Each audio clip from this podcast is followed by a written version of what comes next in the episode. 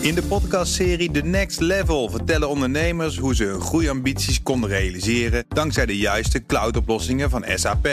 Wat waren de uitdagingen, de oplossingen en hoe ging de uiteindelijke implementatie? Benieuwd naar hun verhalen en hoe zij met behulp van SAP ook hun toekomstige ambities kunnen behalen? Luister de podcast The Next Level via de BNR-app of je favoriete podcast-app. Tech Update. Heel duurzaam dat je dan minder ver hoeft te vliegen. Ja, ja. Dus een eigen product. Hè? Nou, of. De, wie wel een stukje moest vliegen om uh, toch punt te maken... was uh, Tim Apple, zoals hij door uh, president Trump altijd genoemd werd. Apple-topman Tim Cook, want die bracht gistermiddag... in het geheim een kort bezoek aan chipmaker NXP in Eindhoven. Ruth, hoe is bij ons? Goedemorgen. Goedemorgen allebei. Wat heeft hij daar besproken? Kwam hij wat brengen of kwam hij wat halen? Uh, dat is een soort uh, charme-offensief. Hm. Nee, er zijn meerdere onderwerpen uh, besproken. Het belang van Europa voor Apple, de klimaatdoelen van Apple en in hoeverre NXP daaraan bijdraagt. En de toekomst van de NFC-chips. Nou, daarnaast kreeg Koek logischerwijs een rondleiding op het hoofdkantoor. Niet alleen is NXP samen met het Veldhovense ASML een van de belangrijkste chipfabrikanten van Nederland. NXP is in Europa ook een van de belangrijkste chipleveranciers ja, voor Apple. NXP dus... maakt de chips en ASML maakt de machines om die chips te maken. Exact. Maar dat near field communication, dat zijn die chipjes die zitten bijvoorbeeld in je, in je bankpasje. Hè? Dat was een hot topic daar, dus begrijp ik in Eindhoven. Waarom? Ja, die, die, zijn, die, die NFC-chips zijn ontwikkeld door NXP en zijn de basis van het betaalsysteem Apple Pay. Ja. Nou, daarnaast is de NFC-chip één van de onderdelen in de nieuwe iPhones en Apple Watches. En met de komst van iOS 17 wordt de chip ook gebruikt voor de nieuwe AirDrop aardig lijstje dus al. Uh, maar NXP is druk bezig met het verder ontwikkelen en nog meer inzetten van die chips voor mm. Apple. Zo bleek gistermiddag.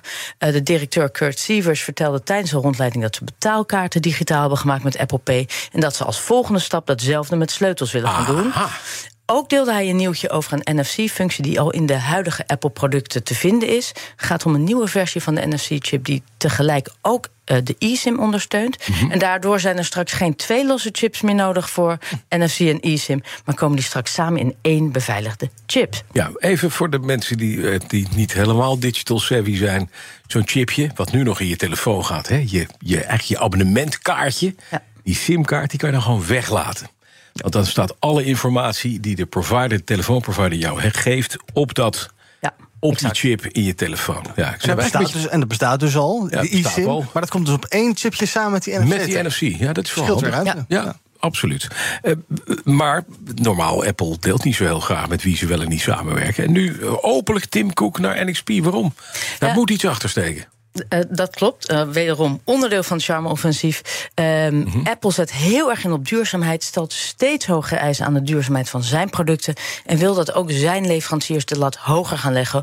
om in 2030 alle producten CO2-neutraal te fabriceren. Dus dit bezoek was ook om bij NXP eens te kijken en te polsen hoe ver zij zijn in hun ja. verduurzamingsproces. En dat Apple zijn mening daarover mag geven, dat is volgens de directeur van uh, NXP niet gek.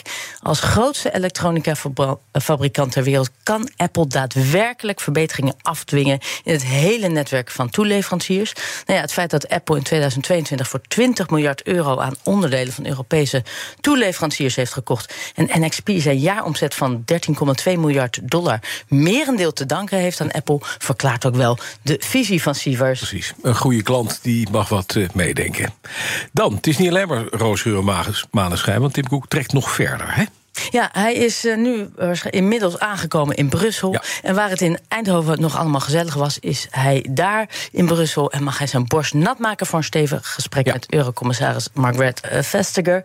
In haar ogen staat Apple geen eerlijke concurrentie toe op het mobiele besturingssysteem ja. iOS, waar mm -hmm. we het net over hadden.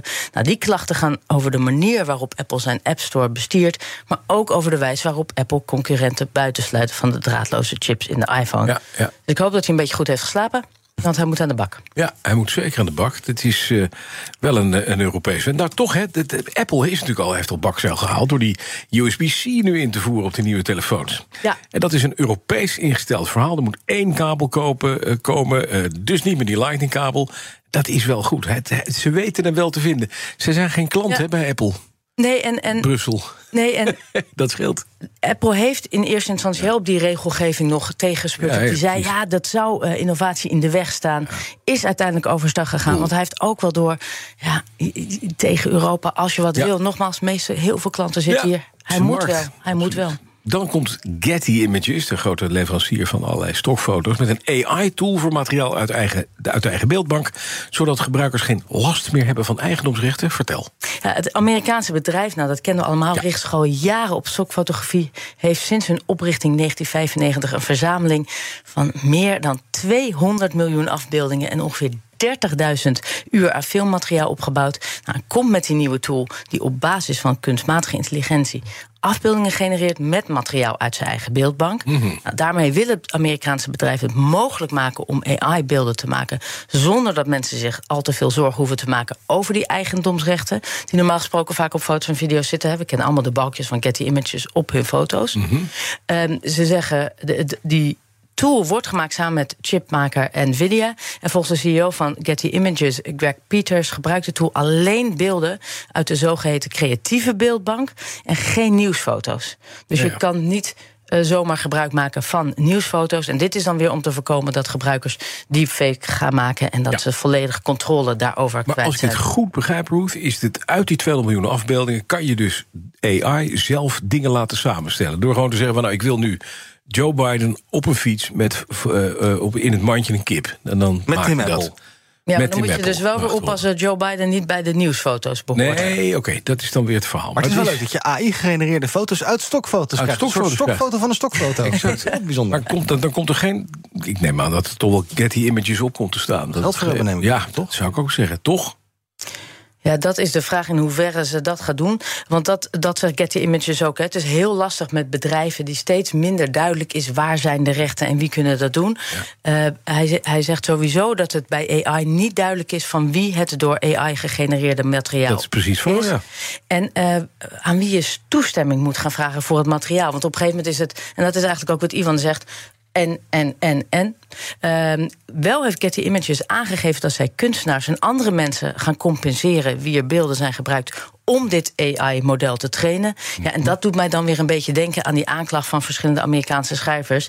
die nu een rechtszaak zijn gestart omdat hun boeken worden gebruikt voor het trainen van AI-tools. Dus het kan ook zijn dat ze uit voorzorgsmaterialen al beginnen met uh, ja, een portemonnee trekken. Regelen, precies, om, uh, om alvast te betalen voor iets wat er ja. gebeuren gaat. Dankjewel, Ruth. De BNR Tech Update wordt mede mogelijk gemaakt door Lenklen. Lenklen. Betrokken expertise, gedreven resultaat. In de podcastserie The Next Level vertellen ondernemers hoe ze hun groeiambities konden realiseren dankzij de juiste cloudoplossingen van SAP.